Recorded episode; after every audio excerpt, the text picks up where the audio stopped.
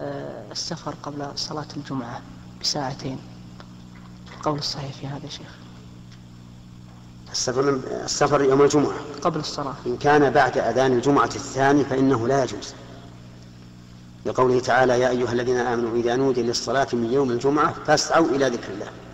قبل الأذان الأول يجوز. دقيقة.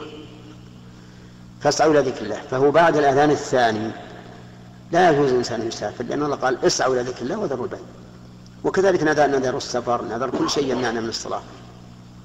إذا كان قبل ذلك فإن كان يأتي بها في طريقه مثل أن يكون أن أن يسافر من بلده وهو يعلم أنه سيمر ببلد آخر في طريقه ويعرج عليه ويصلي الجمعة فهذا لا بأس به. أفهمت؟ وإن كان لا يأتي بها في طريقه.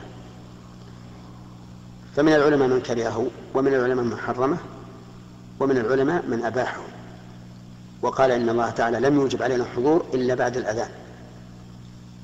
والأحسن أن لا أن لا يسافر إلا إذا كان يخشى من فوات رفقة مثل أن تكون موعد الطائرة في في وقت لا يسمح له بالحضور أو ما أشبه ذلك. ولا فالأفضل يبقى. وإذا كان معه يعني عائلة وأطفال. وقد إيش؟ أطفال وعائلة يعني. إيه. وعلى كل حال ما دام ما, ما دام لم يؤذن الأذان الثاني فالامر فيه الساعة لكن الأفضل أن يبقى. ومع المشقة لا بأس يمشي نعم.